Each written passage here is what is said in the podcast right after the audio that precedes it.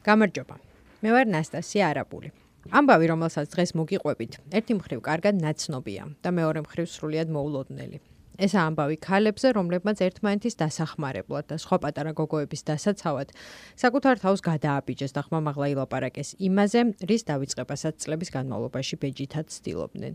ეს ამბავი შიშებზე, ეჭვებზე, შეურაცხყოფაზე, იმედგაცრუებაზე, რწმენის დაკარგვაზე, დიდ ტრავმებზე და ამავდროულად შიშებისგან გათავისუფლებაზე, კერპების ნგრევასა და გამოსავლის ძიებაზე, სიარულის თავიდან სწავლასა და საკუთარი თავის დაბრუნებაზე.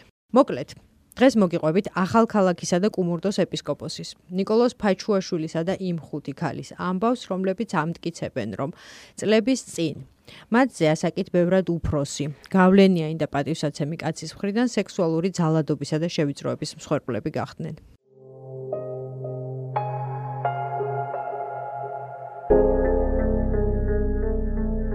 ეს არის 60 დეციბელი.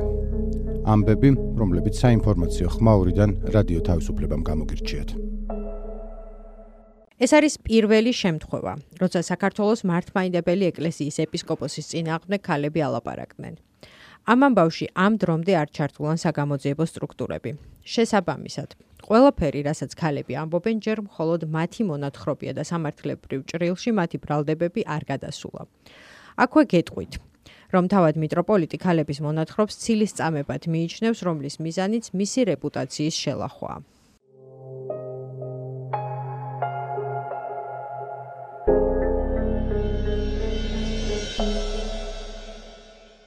ყველაფერი 5 ნოემბერს Facebook-ზე დაწერილი სტატუსით დაიწყო. 33 წლის ქალმა, პოეტმა, ყოფილმა სოციალურმა მუშაკმა და გერმანული ენის მასწავლებელმა ლელა კურტაინძემ Facebook-ზე დაწერა, რომ ჯავახეთის ექსპედიციის მიმდინარეობის დროს, დაახლოებით 12-13 წლის წინ, ის არაერთგზის გახდა სექსუალური შევიწროების მსხვერპლი მიტროპოლიტ نيكოლოს ფაჩუაშვილის მიერ. მე ლელას არ ვიცნობდი. თუმცა მისი ეს პოსტი დაწერიდან მალევე ვნახე. ჩვენ საერთო მეგობრებს ჰქონდათ დაშიარებული. მახსოვს კვირა დღე იყო. ჩემი სახლის სამზარეულოში ვიჯექი. ჩაის სვამდი და ვფიქრობდი. ნეტავ რა შეიძლება ვუყო ამ ამბავს თქო. გამახსენდა რომ წლების წინ ზაფხულის ერთ დღეს ერთმა კარგმა ნაცნობმა დამირეკა და მითხრა: "საშინელი ამბავი გავიგე. არც კი ვიცი ვის მოუყვე და შენ, როგორც ჟურნალისტს, უნდა გითხრა, ერთი ეპისკოპოსისთვის, როგორც ჩანს, ქალებზე ძალადობა სისტემური ხასიათი აქვს. თვითონ მსხვერპლს რომ არ მოეყოლა ეს ამბავი, ვერც კი დავიჯერებდი. მეც ვარ მაგასთან ნამყოფი და იქნებ რამე მოიფიქრო." ისიც نيكოლოზ ფაჩუაშვილზე ლაპარაკობდა. მაშინ ვერაფერიც ვერ მოვიფიქრე. რამდენიმე ადამიანს ველაპარაკე. ზოგმა გაიკვირვა, ზოგმა მითხრა რა გიკვირსო. ვიღაცამ მეც ვიციო, ვიღაცამ ხებს ისევე გსჯობსო და მოკლედ. მაშინ მალევე შევწყვიტე ამ ამბის ქექვა. ლელას ორ წინადადებიანი სტატუსიც არ ჩანდა დიდად ხელმოსაჭიდი, მაგრამ არც მისი არ შემჩნევა იქნებოდა სწორი. ცოტა ვიფიქრე, ცოტა კოლეგებთან ერთად ვიმსჯელე. მე ლელას ნომერი გამოვართვი და შეხვედრავთ ხოლმე.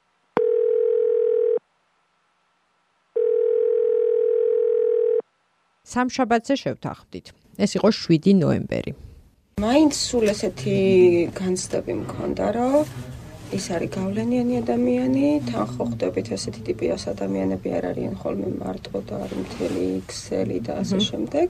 და მე ნუ ვინ ვარ ხო და ფიქრობდი, რომ ძალიან ესე რა ვთქვათ, დავიჩაგრებოდი. იმ დღეს, როცა ლელას უსმენდი, ჯერ კიდევ ვერ წარმომედგინა, რომ ამ თემაზე მოლაპარაკე არაერთ ქალს ვიპოვიდი. სტატიაში, რომელიც 8 დეკემბერს გამოვაქვეყნეთ, ხუთი ქალის ისტორია შევიდა. მას შემდეგ კიდევ ორი ქალი დაგვიკავშირდა და გვითხრა, რომ მსგავსი გამოცდილება აქვს, რომ სადარიან ამაზე ილაპარაკონ. სტატიაზე მუშაობისას ველაპარაკე არაერთ ადამიანს, ადგილობრივ აქტივისტს და ჟურნალისტებს, ეკლესიასთან დაახლოებულ პირებს, ჯავახეთის ექსპედიციის ყოფილ წევრებს და თავად მიტროპოლიტ نيكოლოსს. ასევე თეოლოგებს და იურისტებს. ნახე არაერთი დოკუმენტური ფილმი ეკლესიაში სექსუალური ძალადობის შესახებ. წავიკითხე ბევრი სტატია. საქმე შედარებით მარტივი იყო იმ შემთხვევებში, სადაც გამოძიებას უკვე დადგენილი ჰქონდა დანაშაულის არსებობის ფაქტები. ზოგან ჟურნალისტების ნამუშევარი გახდა გამოძიების დაწყების საფუძველი. ჩემ შემთხვევაში საქმე რთულად იყო. გამოძიება ლელას განცხადების საფუძველზე არ დაწყებულა და მე სულ მახსოვდა, რომ ერთი მხრივ უნდა დამეცვა უდანაშაულობის პრეზუმფცია, მეორე მხრივ კი პატივი მეცა იმ ქალების გრძნობებისა და ტრავმებისთვის, ვინც მიყვებოდა რა გადახდა თავს და როგორი რთულია ამ გამოცდილებით თანაცხოვრება. არც ერთი ის ქალი რომელსაც ამ სტატიაზე ლაპარაკის დროს შევხვდი, არ აპირებს უჩიულოს ნიკოლოზ ფაჩუაშვილს. ზოგადად, სექსუალური შევიწროების მსხვერპლებისთვის და ძალადობის მსხვერპლი ქალებისთვისაც კი მტკიცებულებების მოპოვება საკმაოდ რთული საქმეა. მით უმეტეს თუ კი ლაპარაკია წლების წინ მომხდარ ამბავზე. მაგალითად, ანა თავხელიძე, ადვოკატი, რომელსაც ამ მასალაზე მუშაობისას პერიოდულად ველაპარაკებოდი ხოლმე. ამბობს, რომ ამ საქმეს სპეციალური ცოდნა სჭირდება და იმ შემთხვევაშიც კი, როცა ქალები ფიქრობენ, რომ მათ არ აქვთ არანაირი მტკიცებულება სავარაუდო მოძალადის წინააღმდეგ, ეს მტკიცებულებები შეიძლება მარტივად მოიპოვოს იმან, ვინც ეს საქმე კარგად იცის. დადავაც ქალებს განსდააქვთ, რომ და ეს გაცდა ბუნებრივი არის, მათ მიაჩნიათ, რომ საკმარის მტკიცებულებები არ აქვთ ფაქტის დასადასტურებლად, მტკიცებულებების მოპოვებას ჭირდება სპეციალური ცოდნა და ბუნებრივია რომ ყველა ადამიანს ამის შესახებ ინფორმაცია ვერ იქნება. ამ ქალებს ჭირდება ადვოკატი, რომლებიც დაიცავს რომელიც დაიცავს მათ ინტერესებს და მათ შორის დაეხმარებათ მტკიცებულებების შეგროვებაში. მათ შორის საგამოძიებო ორგანოსთან ურთიერთობაში და ზოგადად მტკიცებულებების შეგროვება, როდესაც სიცხეს სამართლის საქმეს შეეხება, საქმე ან გამოძიებას როდესაც საუბრობთ არის სახელმწიფოს ვალდებულება. საგამოძიებო უწყება უნდა შეაბროს ყველა შესაძლო მტკიცებულება მიუხედავად იმისა, რა დრო არის გასული ქმედების განხორციელებიდან. ერთი შეხედვით შეიძლება გვიგონოს, რომ საქმეში ფაქტთან დაკავშირებით პროცესად არ გვაქვს რაიმე მტკიცებულება, თუმცა მტკიცებულება რეალურად არსებობს. მაგალითად, მტკიცებულებები არის ის ადამიანები, ვისაც უამბო მომხდარის შესახებ. ეს შეიძლება იყოს ფსიქოლოგიური შეფასების დასკვნა, რაც თავარია და ყველაზე გადამწყვეტი არის ადამიანი, რომელსაც უშუალოდ გადახდა ეს ფაქტი. გამოიარა ეს და გამოსცადა საკუთარ თავზე, ეს არის თავარი და გადამწყვეტი მტკიცებულება. ამ ქალების ჩვენება არის გადამწყვეტი მტკიცებულება და ყველა სხვა დანარჩენი მტკიცებულება არის მიმართული ამ ჩვენების გამყარებისკენ.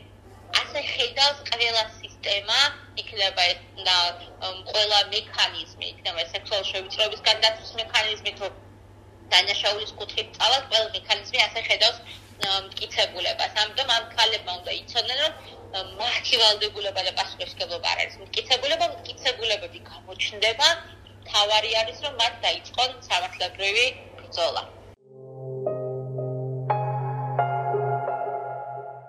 მახსოვს რომ ეს მოხდა ჯავახეთის ექსპედიციაში კონკრეტულად კი სოფელ ასფარაში. მანამდე მე მიტროპოლიტების მიმართ წარმოდგენა მქონდა ისეთი რომ რაღაცა ესეთი დიდი ადამიანები რაღაცა შინაგანად იმხელა სულიერი საფეხურზე მდგომი ადამიანები რომ აი რო ვერ მიწვდები ესე რა ვთქვათ. მაგრამ მეორეს მხრივ ამოვიდა და თან რაღაცა ძალიან უბრალოც იყო ამასობაში და ამან კიდევ განამტკიცა ეს ყველაფერი რომ აი ამ ხელა დიდ ადამიანებს ესეთი ესეთი უბრალოებაც და ანუ როგორ არის შეთავსებული თან ყოველთვის იყო ხოლმე ჩართული ანუ რაღაცა საუბრები ქონდა, რაღაც საღამოებიც ქონდა ხოლმე და ვამჩნევდით რომ ეს იყო ძალიან განათლებული ადამიანი და ნუ ეხლა ეს ეს მართლა ასე არის. ეს ლელა მისი ისტორია კლასიკური ისტორია ეკლესიაში ნუგეშის საძებნელად მოსიარულე პატარა გოგოსი, რომელიც დამოუკიდებელ ცხოვრებაში პირველ ნაბიჯებს დგამს. რაღაცნაირად ისეთი ამბავი იყო რა რაღაც წარმოიდგინე მაგ დროს ხარ რაღაც ავტორიტეტების მოძიე ტიპი რაღაცებს ეჭიდები რაღაც ხირებულებებს ხარ ჩაჭიდებული იმიტომ რომ ბექგრაუნდი გაქვს ცუდი რაღაც ესე ძალიან რატო ქონდა ცუდი ბექგრაუნდი ანუ ძალიან ძიმე ეკონომიკურ პირობებში ვიზრდებოდი და ვიყავი ანუ სტუდენტ სანამ მუშაობა არ დავიწყეთ მე და ჩემო ძმამ აი ძალიან ღარიბები ვიყავით, ყველაფერს მოკლებული ვიყავი, თან ის ვიყავი, ანუ ძალიან ნიჭიერი ვიყავი სკოლაშიც და უნივერსიტეტშიც და აი ძალიან კარგად ვსწავლობდი და ამის მიუხედავად იმდენ რამეში ვიჩაგრებოდი, რომ ცალკეს ძალიან გულს მტკენდა რა და მოკლედ სანცუთი იყო, სუბუქადრო ვთქვათ. და სადაც კი რაღაც გამოჩნდებოდა, თქვათ, რაც შეიძლება უფასო ყოფილიყო, რაღაც ვეჭიდებოდი ხოლმე, რომ ეს შემეცნების საშუალებები მქონოდა და ესეც ერთ-ერთი იყო. თვითონ ექსპედიციის მიზანი ის იყო, რომ მეტი ინტეგრაცია მომხდარიყო ქართველებსა და ეთნიკურ სომხებს შორის. და ამავდროულად პრაქტიკულად რასაც ვაკეთებდით იყო ის, რომ იქ არის ძალიან ბევრი, ანუ ხო ძალიან ისტორიული მხარე ახლა ჯავახეთი და არის რაღაც ეკლესიები, ძველი ეკლესიები, რაღაც რაღაც ადგილები, რომელიც ძალიან მოულელია და იმისი მოწესრიგება და სუფთავების საქმეში უფრო ბიჭები შეიძლება თქვა რაღაც ამოსაშენებელი ყოფილიყო. მაგრამ რა საკეთებენ ხავსაცლიდნენ სარეველას რა ვიცი შეიძლება ბალახისგან გაათავისუფლონ და წირვისთვის მოამზადონ. იქ არის კიდე ერთი ადგილი ცოტა სხვაგან თავკვეთულა ქვია ძალიან ცნობილი ადგილია და იქ მაგალითად ბიჭებმა რაღაც ისინი ამოაშენეს ტერასები ვით ამოაშენეს ქვებისგან რომ უფრო ადვილი სასიარულო ყოფილიყო. ну ეგ ჩვენმა ჩვენებმა არა, მაგრამ ანუ რამდენიმე წელი იყო ეს ექსპედიცია შეიძლება ახლაც არის. აა და გოგოები უფრო საჭმელს მომზადებდით ხოლმე და კიდე იქ დედათა მონასტერი იყო. და ხანდახან იმათ ვეხმარებოდით ხოლმე, მაგალითად იქ გქონდათ ძალიან კარგ ყველს ამზადებდნენ, ან ძალიან გემრიელ ყველს. მე არ დავსწრები ვარ ახლა. ამ თან ისიც იყო რომ შეგეძლო გესწავლა რაღაცები, მაგალითად, აი სანთელი როგორ მზადდება, ყველი როგორ მზადდება, ну მე არ ყოფილვარ იქ მაშინ, მაგრამ შეიძლება ვთქვათ ეზო გაგვესუფთავებინა ბალახებისგან, კიდე ყვავილები ქონდათ, ბევრი ყვავილები და შეიძლება ის მოგვეწესრიგებინა. მე რა იყო ხოლმე რაღაც ექსკურსიები, ახალ ქალაქში იყო მიტროპოლიტის რეზიდენცია სახლიც, ანუ ანუ თავისი სახლი რაც არის და მისი სახლი არის რაღაცა ესე მუზეუმი ვით არის, იმდანად რაღაცა საინტერესოდ არის აგებული და რაღაც ეს საინტერესო რაღაცები არის. იქაც ხშირად გადავყავდით ხოლმე და წვადებს გვიწვავდა და რაღაცებს გვაჭმევდა ხოლმე სულ და ხან იქ თავში ხელით გიწვავდა? როგორ? თავისი ხელით გიწვავდა, წვადებს თუ ვიღაცას გიწვავდა. ხო, და ჩვენს გვასწავლიდა მე რა ის ესე უნდა დაიჭირო, ის ისე უნდა დაიჭირო. კი, თავისი ხელით გიწვავდა. და რაღაცა ისეთ ჩაოლებრივი ადამიანი ვით იყო, ეს რაღაცა კიდე რაღაცა ისეთი იყო რა, ანუ წარმოიდგინე. თამსვლელობა შეეძლო, იცოდა მთაში როგორ ეცხოვრა, მთის პირობებში, ძალიან ისეთი იყო და ცურავდა ძალიან კარგად და ძალიან შორს გადიოდა ხოლმე. ანუ ხანდახან გუშინოდა, ნუ არაფერი დაემართო. დროს იმდენად შორს გადიოდა, აი რაღაცა შავი წერტილი თუ ჩანდა ხოლმე, სურავდა ხოლმე ლელა ამბობს, რომ ეპისკოპოსმა ის ფარავნის ტბაში ცურვის სწავლებისას შეავიწროვა. ერთხელ, როდესაც სუფხაზე ვიყავით, მგონი, როდესაც ეს ვახსენე, რომ ცურვა არ ვიცი მეთქი რა, ჩვენი ჯგუფის წევრები ცურავდნენ, ну, უმეტესობა თუ ზოგი. და ასე მე ესე ნაპირზე ვიყავი ხოლმე და აა მე არ ვიცი ცურვა მეთქი, მაგ დროს ვახსენე და აა აღარ მასოს ლაპარაკი როგორ გაგრძელდა ვინ რა თქვა. უბრალოდ მახსოვს რომ მე ვახსენე, ეხლა ეს ცურვა არ ვიცი და იმენ მითხრა რომ არ გინდაო გასწავლიო ცურვასო. ღია წყალში გოგოს, რომელმაც ცურვა არ იცოდა და წყლის შიში ჰქონდა, ლელას მონათხრობის მიხედვით, სასულიერო პირი ხელს უყოფდა კაბის ქვეშ, ეხებოდა მკერცსა და გენიტალიებზე. ერთ დღეს კი უთხრა კაბა ცურვის სწავლაში ხელს გიშლის, ჯობია გაიხადო. სტუდენტ ლელას არც სექსუალური ურთიერთობის გამოცდილება ჰქონდა და არც შევიწროებისა და ძალადობის შესახებ იცოდა ბევრი რამ. 10 წლის წინ არც საქართველოს კანონმდებლობა ცნობდა სექსუალურ შევიწროებას როგორც დანაშაულს. კანონით მხოლოდ 2019 წლის მაისში განისაზღვრა, რომ სექსუალური შევიწროება, ესაა სექსუალური ხასიათის არასასურველი სიტყვიერი, არასიტყვიერი ან ფიზიკური ქმედება, რომელიც ადამიანს შეურაცხყოფს, ამცირებს, აშინებს ან ღირსებას ულახავს. იმის მიუხედავად, რომ კანონმდებლობა დღეს უკვე იცნობს სექსუალური შევიწროების ცნებას, არც ისე ხშირია შემთხვევები, როდესაც ქალები კაცებს ამ დანაშაულის გამო უჩივიან ხოლმე სასამართლოში. კარგი ყავა სხვათა შორის. ზუსტად ვიცი, რომ ეს იყო სექსუალური შევიწროება. ზუსტად ვიცი, რომ ეს იყო სექსუალური შევიწროება, უყოდ აი ახლა რომ მსგავს სიტუაციაში მოხდე და ვიღაცამ შეიძლება ჩავაზილო ფეხი, მაგრამ და ეგრევე სახელი დავარქვა რა ხდება და საკმაოდ ძლიერი ვიყო მაგისთვის, მაგრამ მაშინ მე ვიყავი ძალიან დაბალი თვითშეფასების მქონე ადამიანი, რომელიც კითხავს პირველ რიგში საკუთარ თავს უსვამდა. რომ იქნებ შენ ხوار გეჩვენება. და შენ თან გირჩევნია რომ შენ გეჩვენებოდეს. იმიტომ რომ სხვა შემთხვევაში მაშინ უნდა ადგე და მთელი შენი წლობით ნაგროვი რაღაცა შენაძენი რაც გაქვს თუნდაც რაღაცა ეს რწმენა. შეხედულებები რომელიც შენ შენი მთელი შრომით გაქვს მოპოვებული. მაშინ უნდა ადგე და უნდა ჩამოანგრიო და მაშინ ადგები და პირდაპირ ფარავნის ბაში შეხვალ და თავს მოიკლავ ლელას წლები დასჭირდა მომხდარისთვის სახელის მოსაძებნად და მას მერეც კი რაც მიტროპოლიტის საქციელ სექსუალური შევიწროება დაარქვა ამ თემაზე ლაპარაკის დაწყება ადვილი არ აღმოჩნდა. პირველად ეს ამბავი თავის ფსიქოთერაპევტს მოუყვა. ჩემთან ინტერვიუს ჩაწერამდე სამი კვირით ადრე. პირველი რაც ლელასთან ინტერვიუს ჩაწერის მერე გავაკეთე ამ ექსპედიციის შესახებ დაიწყე ცნობების მოგროვება უნივერსიტეტის საიტზე ვიპოვე 2022 წლის ზაფხულში განთავსებული ინფორმაცია, როგორ უნდა დარეგისტრირებულიყვნენ იქ წასვლის მსურველები. მითითებულ საკონტაქტო პირს, სოფიო ნიშნიანიძეს მაშინვე მივწერე მეილი. ასეთი ისტორია მოვისმინეთ ექსპედიციის ყოფილი წევრებისგან და რამე მსგავსი თქვენს ხომ არ გაგიგიათ თქო ვეკითხებოდი. სოფიო მალევე მომწერა, არაფერი არ გამიგია და შემიმჩნევია. იმას კი გიდასტურებთ, რომ ბევრი წელია მეც დავდივარ ჯავახეთში და ბანაკის ერთ-ერთი ორგანიზატორიც ვარო.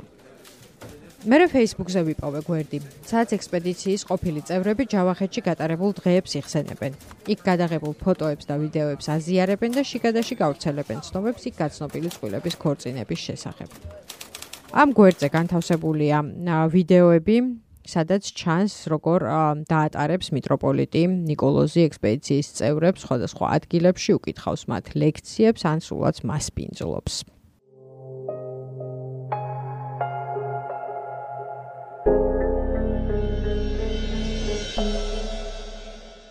ინტერვიუს ბოლოს ლელას ვკითხე ერთ ჩემ ნაცნობსა და ჯავახეთის კარგად მწოდნე გოგოზე.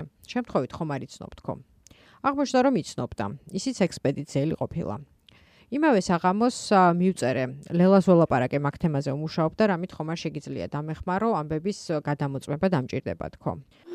მე და ლელას გვისაუბრია მაგაზე, სხვა ქალების ამბავი არ ვიცი და ვერც გეტყოდი ხო იციო მომწერა.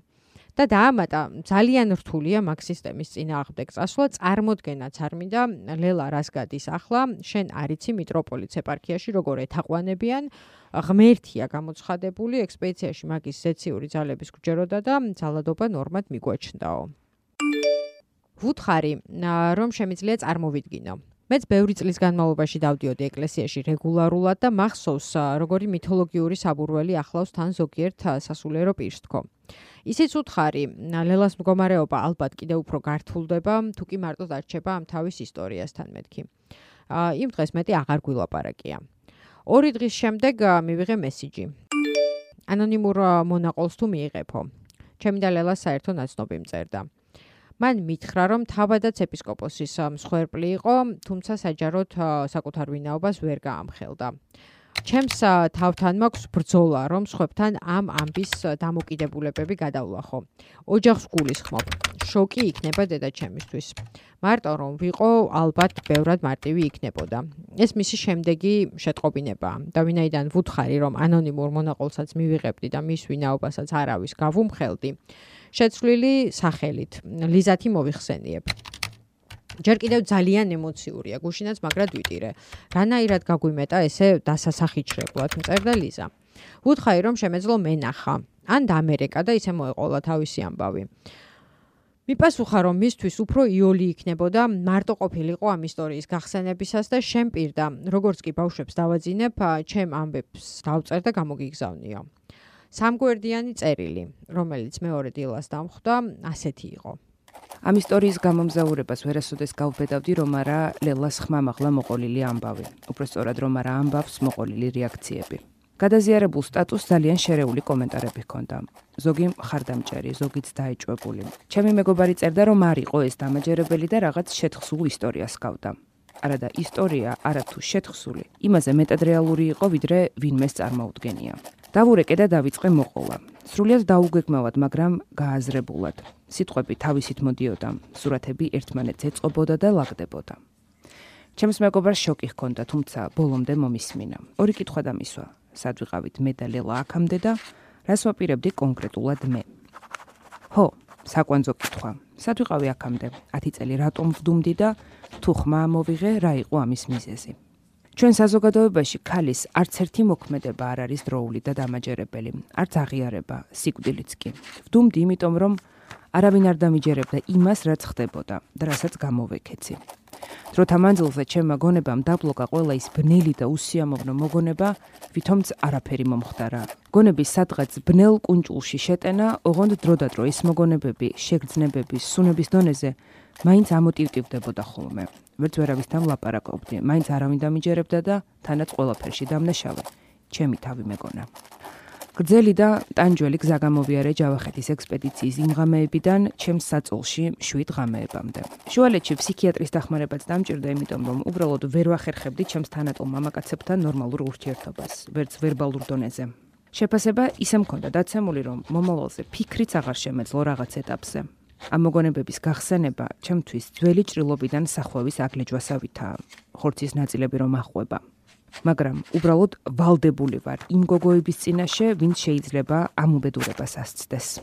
12-15 წლის წინ, როცა თესეუდან ჯავახეთის სტუდენტურ ექსპედიციაში ჩავეწერე, აკადემიური მქონდა აღებული ერთი წლით. სულ პერიოდს გავდიოდი, ოჯახში პრობლემები. მე ბევრს მუშაობდი, სწავლას ვერ ვახერხებდი და ეს ყველაფერი არც ისე კარგად დაისახა ჩემზე. როცა ექსპედიციის შესახებ გავიგე, მაშინვე ჩავეწერე. სიახლე მწყუროდა, მინდოდა სხვა რამეზე გადამეტანა ყურადღება. თანაც ესეთი стереოტიპია დამკვიდრებული, რომ ცხოვრების რთულ ეტაპზე ადამიანები მონასტერს მიაშურებენ ხოლმე და იქეძებენ კითხვებზე პასუხებს. ექსპედიციის იდეა იყო ჯავახეთის სოფლის და მონასტრის ცხოვრებაში ჩართვა, კულტურულ მემკვიდრეობაზე, ძეგლებზე ზრუნვა, რეგიონის გაცნობა, კავშირების დამყარება. ყველაფერმა ამან იმდენად აღმაფრთოვანა, იმდენად უცხო და საინტერესო იყო, რომ ყველაფერს ვიკვლევდი, კითხულობდი, ყველას ვეკითხებოდი, შენიშვნებს ვიწერდი. ამან მეუფის ყურადღება მიიქცია და ექსპედიციის დასრულების შემდეგ თავისთან დამიწახა. რაღაც სამომავლო გეგმებზე სასაუბროთ. იმ წელს სრულიად თავისუფალი ვიყავი და დავთანხმდი, რადგან უკვე საკმარისად გავიცანი ექსპედიციისას და თავს აბსოლუტურად უსაფრთხოდ ვგრძნობდი. ექსპედიციაში ძველი სტუდენტებიც ბევრი იყვნენ, ვინც გიждდებოდა მეუფრეზე, მის ერუდიციაზე, იუმორზე. იმ ერთი თვის მანძილზე ჩვენთვის, ახლებისთვისაც ღმერთად იქცა. ხშირად გვითმობდა დროს, ფილმებზე, რეჟისორებზე გვიყვებოდა. ლიტერატურას ვარჩევდით, მთებზე ვლაშქრობდით, საოცრად გემოვნებიან მუსიკას ვუსმენდით და მისი ნახატების უზადო კოლექციით ვტკბებოდით. იმ დღესაც თავისთან დამიწახა. საღამოს ჩემთან გამოდი ვილაპარაკოთ, ოღონდ ნურავის ეტყვიო. სიხარულით სასვეწიე ჩვენთვის ღმერთის წორმა კაცმა შემომჩნია, რომ დამითმოდა რაღაც საერთო საიდუმლო გაგვიჩნდა უცებ. საძინებელში შემიყვანა და მთხოვა ჩამომჯდარიყავი საწოლზე. ძალიან კი მეუცნაურა, მაგრამ უბრალოდ არც კი დამიშვია, რომ რამე არასწორი შეიძლებოდა იქ მომხდარიყო. ჩემ სექსუალურ ცხოვრებასა და გამოცდილებაზე დამისვა კითხვები. მე ძალიან დავიბენი და გულწრფელად ჩამოურაგრაკე ყველაფერი. გვერდით მომიჯდა და მე ყველაფერი გაიბლარა და გაიძღაბნა. სხეულზე შეხება, მის სხეულზე, ჩემსაზე, გენიტალიებზე, ოღონდ ეს არ იყო შემთხვევითი შეხებები. გაუგნებული ვიჯექი და შოკისგან ვერ ხვდებოდი რა უნდა მექნა. გონებაში ბორბალი უსწრაფესად ბრუნავდა. ვერც კი დავუშვი რომ ადამიანი რომელიც ბახს გვასმენინებდა წინა დღეს ამაღლებულ სიყვარულსა და მათეს პასიონზე გვესაუბრებოდა რაიმე ამორალურის ჩამდენი იყო. უბრალოდ ვერ ვიჯერებდი ან არ მინდოდა დამეჯერებინა.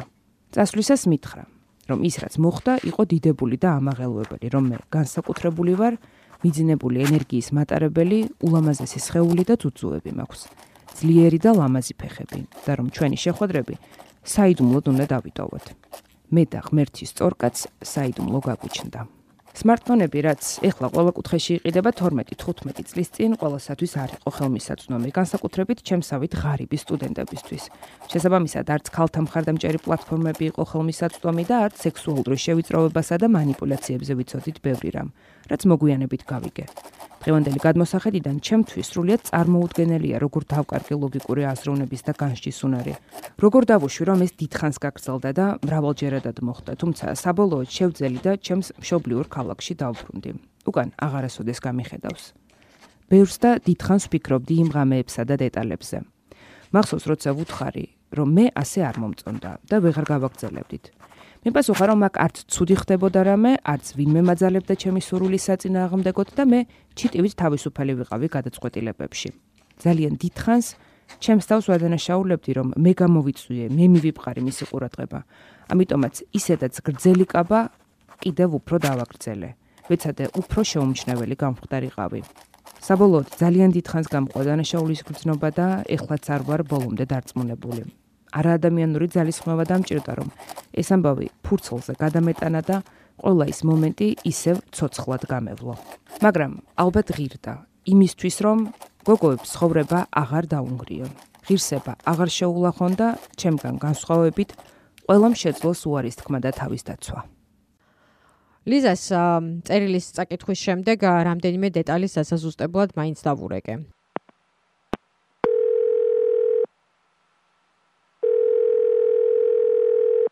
ლაპარაკის ასტირილს ვერ იკავებდა და ალბათ ეს იყო ერთ-ერთი ყველაზე რთული საუბარი, რაც რესპონდენტთან მქონია.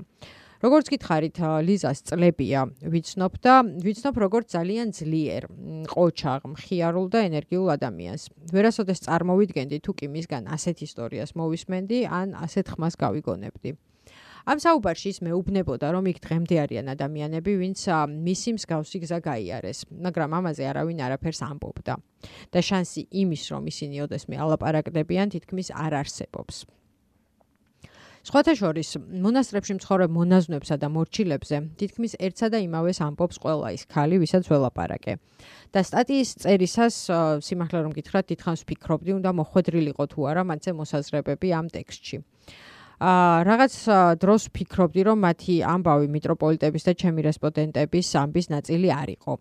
მე მივხვდი რომ თუკი ყველა ხალი ერთსა და იგივე შტაბეჭდილებას მიზიარებდა და ერთი და იგივე მოსაზრება ჰქონდა ამ საკითხზე. ამ ნაწილის გამოტოვება სურათის შეცვლის მცდელობა იქნება თქო. და დავტოვე რესპონდენტების ეჭვები იმის შესახებ რომ მიტროპოლიტის ძალაუფლება და ხელშეუხებლობა გარკვეულწილად ამ ხალების სიჩუმესა და მორჩილებაზე დგას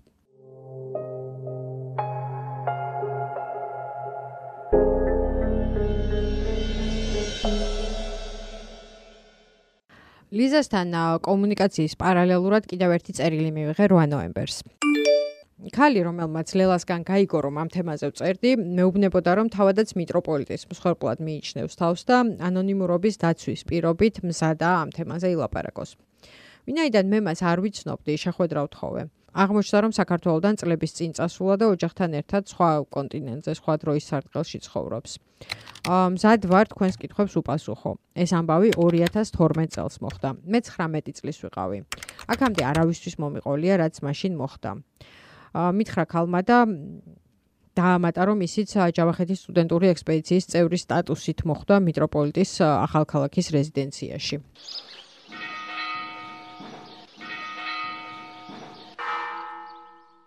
მეგობრულად მიმიპატიჟა. ჩვენი მეგობარი ჩამოდიოდა და დაუხვდეთო.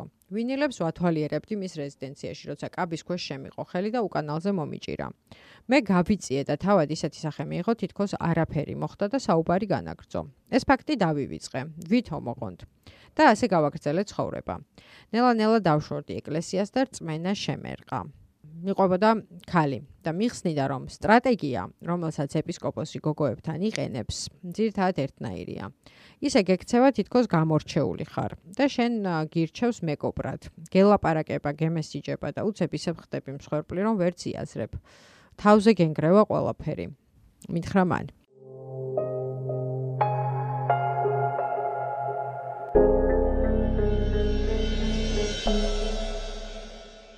როცა სამი ქალის ისტორია უკვე ჩაწერილი მქონდა, მიტროპოლიტ نيكოლოს მივწერე. უთხარი ლელას შესახებ და ისიც რომ ის არ იყო ერთადერთი ქალი, რომელიც მას სექსუალურ შევიწროებაში ადანაშაულებდა. უნდა ითქვას, რომ نيكოლოს ფაჩუაშვილი სხვა სასულიერო პირებისგან განსხვავებით ძალიან სწრაფი და სხარტი კომუნიკაციის სტილით გამოირჩევა. არ მახსოვს შეტყობინება, რომელიც მას უპასუხოდ დაეტოვებინოს. იმ დროს როცა მე მიტროპოლიტს ამ თემაზე მივწერე, ონლაინ გამოცემა ქვიარჯის უკვე გამოქვეყნებული ჰქონდა ლელას მონათხრობი მისი გამოცდილების შესახებ. და ჩემს კითხვას, რომელიც მიტროპოლიტ نيكოლოსთან გავაგზავნე, ეს სტატიაც მივაბი ლინკად. პასუხად მიტროპოლიტმა მითხრა, რომ ეს იყო ცილისწამება და წუხდა, რომ საქართველოსში ეს დანაშაული სათანადოდ არ ისჯება. რამდენიმე წუთიანი მიმოწერის შემდეგ კი მითხრა რომ ის თავადაც არის დაინტერესებული ამ საკითხზე მსჯელობით და თუ კი ჩემი მხრიდან არსებობს გულწრფელი ინტერესი, ნამზადაა შემხვდეს, რომ ამ თემაზე ვილაპარაკოთ. მომწერა ისიც რომ ჰქონდა შთაბეჭდილება რომ მე ეჭვი არ მეპარებოდა მის დანაშაულში. და მეკითხებოდა რაღაცნაირად რომ აღმოჩნდეს რომ მე ვწდები რა ეშველებოდა მის შელახულ რეპუტაციას. ასევე მითხრა რომ მას თავისი პროფესიიდან გამომდინარე ყოველთვის ევალება დაჩაგრულის მხარდაჭერა, თუნდაც თავად იყოს ბრალდებული. ამიტომ მე ამ ადამიანების ბრალმდებლად და საკუთარი თავის ადვოკატად ვერ გამოვდგები, თევზ მათქვა სათქმელი ბევრი მაქვს, მაგრამ პირი წყლით მაქვს სავსეო, წერდა ის. შეხვედრამდე შეხვედრა ზე დავთანხმდი ცხადია და ჩვენ ერთმანეთს შევხვდით ორ შაბათს 20 ნოემბერს საღამოს 4 საათზე თავიდან დაგეგმილი ქონდა რომ შეხვედრა იქნებოდა დაახლოებით 1 საათიანი გაგრძელდა 2 საათს და ვისურვებდი რომ ჩვენი შეხვედრა ინტერვიუს ფორმატში ყოფილიყო. თუმცა ამ შეხვედრის ერთადერთი პირობა მიტროპოლიტის მხრიდან იყო ის, რომ არ უნდა მომხდარიყო ჩვენი საუბრის ჩაწერა. შეხვედრაზე შევთანხმდით, რომ მე მას გაუგზავნდი ყველა იმ კითხვას, რაც მქონდა და წერილობით მიღებულ პასუხებს უცვლელად გამოვაქვეყნებდი სტატიაში, თუ კი მას მაინც დავწერდი. ამ შეხვედრაზე მიტროპოლიტი ცდილობდა დავერწმუნებინე, რომ ის, რასაც მე ვაკეთებდი, მისი ლინჩის წესით გასამართლებისთვის გამეტებას ნიშნავდა. მისი ინტერპრეტაციით სასამართლო განხილვის გარეშე ამგვარ ბრალდებაზე საუბარი სხვა არაფერია თუ არა ლინჩის წესით გასამართლება, რადგან კაცობრიობამ უარი თქვა და სწორადაც მოიქცა. და ჟურნალისტს, რომელიც ამას აკეთებს, კარგად უნდა ესმოდეს, რომ ის ერთდროულად ითავსებს გამომძიებლის, მოსამართლის,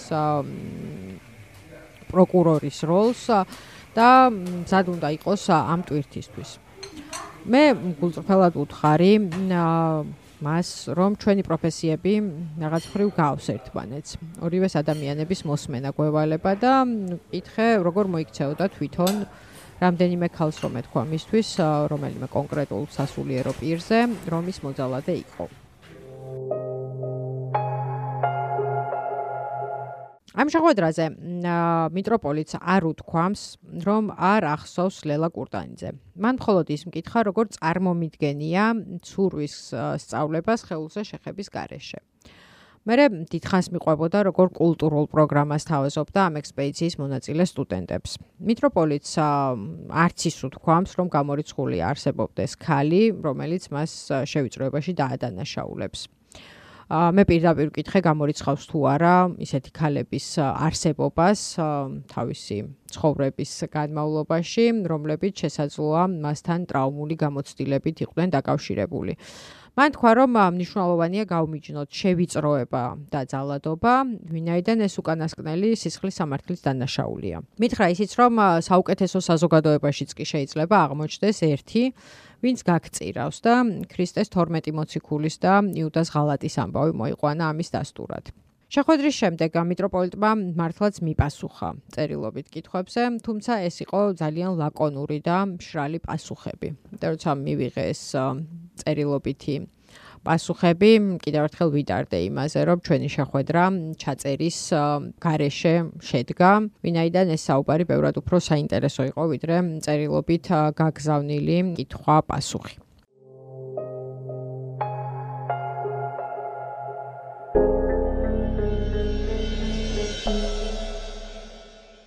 20 ნოემბრის შემდეგ.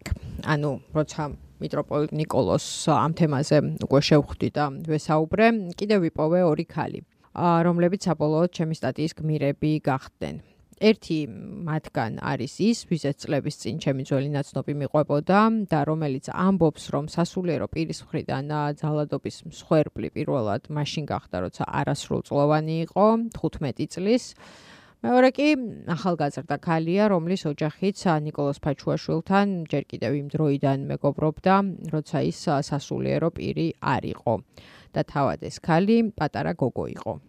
თუმცა თავად შევიწროების ფაქტი უკვე მაშინ მოხდა, როცა ის დასრული იყო, გერმანიაში ცხოვრობდა, იქ მუშაობდა და მიტროპოლიტი, როგორც მისი ოჯახის ძველი მეგობარი და კარგი ნაცნობი, მასთან სტუმრად ჩავიდა პირველად და მეორედ კი სთხოვა რომ ჩასულიყო იმ ქალაქში სადაც თვითონ იყო საქმეებზე ჩასული. ამ ქალაქში სასტუმროს ნომერში ხდება მოქმედება ამ ქალის მონათხრობის მიხედვით. რომელიც ამბობს, რომ მის შემთხვევაში ფიზიკურ შეხებას ადგილი არ ქონდა და ეს რომ ყოფილიყო მისთვის გაცილებით რთულად გადასატანი იქნებოდა ესეთი გამოცდილება, თუმცა მიტროპოლიტი მას თავაზობდა გაყინული ხელების გასათბობად მის საწოლში შეწოლას და მას უბრალოდ გაუმართლა, იმიტომ რომ იმ დროს ტელეფონმა დარეკა და გამოვიდა ნომრიდან ელვის სისწრაფით, როგორც თვითონ ყვება.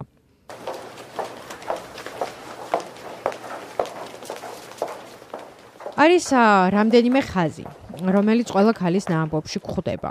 ესა აქცენტი نيكოლოზ ფაჩუაშვილის განათლებაზე, ქარიზმაზე, იუმორსა და მრავალმხრივ ინტერესებზე.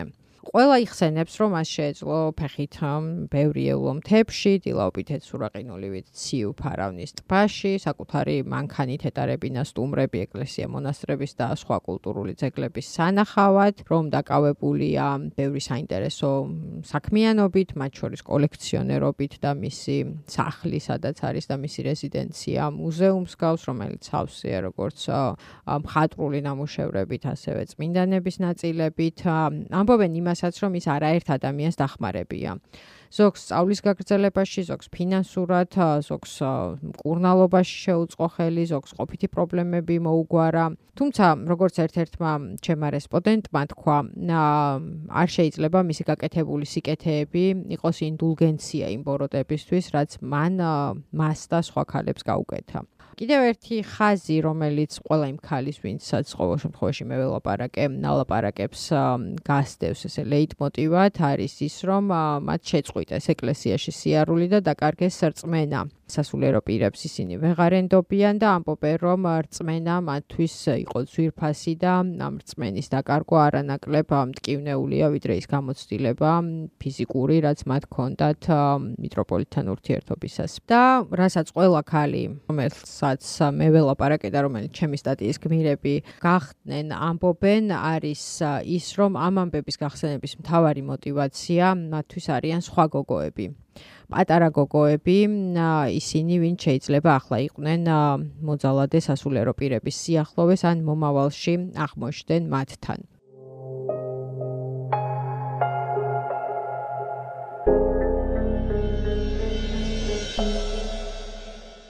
ნიკოლოზ ფაჩუაშვილს მე ბოლოს ვეკონტაქტე სტატიის გამოქვეყნების წინა დღეს მინდოდა სცოდნოდა სტატიის გამოქვეყნების დრო და ისიც რომ იმ ქალების რიცხვი, ვინც მას სალადობაში ადანაშაულებს, ჩვენი ბოლო კომუნიკაციის შემდეგ გაიზარდა. და ასევე ამ ქალების ნაწილი ეჭობს, რომ სექსუალური შევიწროების მსხვერპლები არიან დედათა მონასტრებში და იქ მცხოვრები მონაზვნებისა და მორჩილების ნაწილმა სავარაუდოდ იცის ამის შესახებ.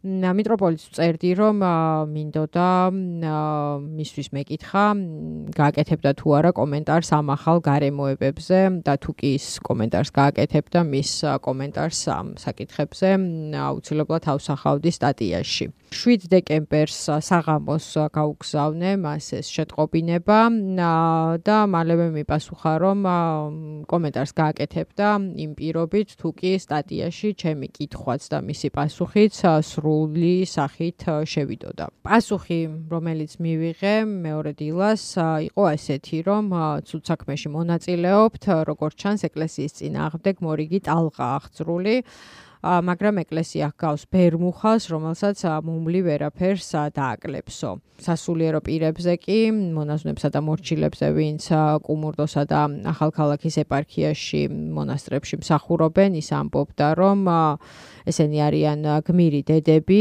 და კარგი იქნებოდა 65 წლის მანძილზე ვინმე ჩამოსულიყო და ამ ბინზური ცილის წამების ნაცვლად მათი ღვაწლი აღეწერა ეკლესიასა და სამშობლოს წინაშეო. ეს იყო ჩემი ბოლო კომუნიკაცია მიტროპოლიტთან მეორე დღეს უკვე სტატია გამოვაქვეყნეთ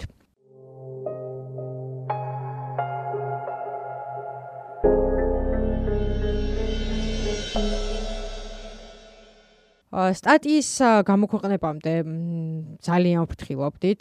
ვხუმრობდი კიდეც რომ ამ სტატიის გამოქვეყნების შემდეგ უფრო ჭკვიანი ვიქნები ვიდრე მანამდე ვიყავით ხო, იმიტომ რომ მართლაც ეს იყო მასალა, სადაც თითო სიტყვას, რომელსაც წერდი, ვწონიდი და მე კიდევ ვუბრუნდებოდი ხოლმე შესაძლებლად სწორად იყო თუ არა თავის ადგილას.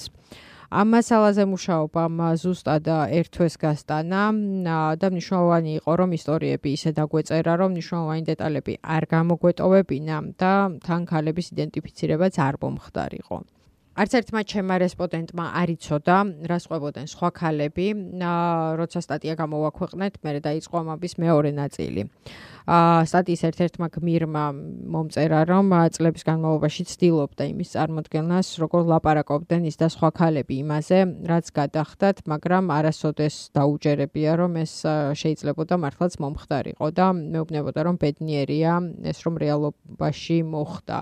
და მისი წარმოსახვის და ფანტაზიის სფეროს გაცდა.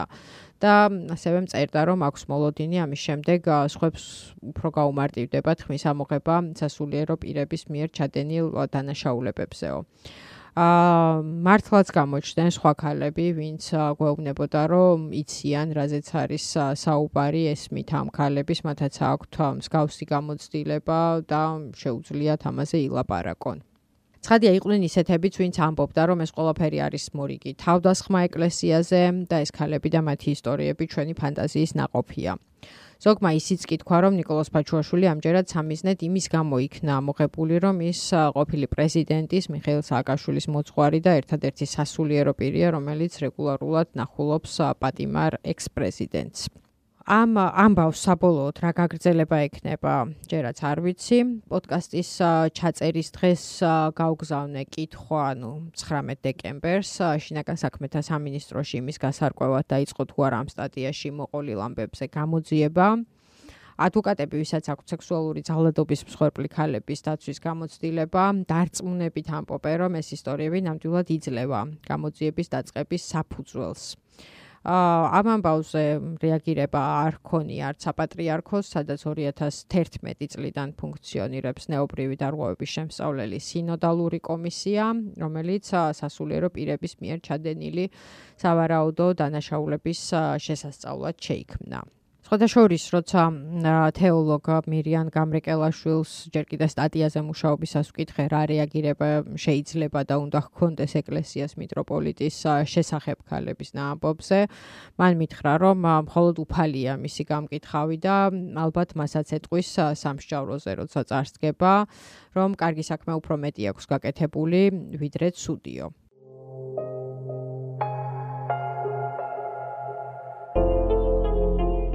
თქვენ მოისმინეთ 60 დეციბელი. პოდკასტი, რომელსაც უძღვებიან ნასტასია არაბული, ნინო თარხნიშვილი და ეკა ქევანიშვილი. თუ მოგეწონათ, გააზიარეთ სოციალურ ქსელში და დაგვიწერეთ შეფასება იქ, სადაც უსმენთ პოდკასტებს.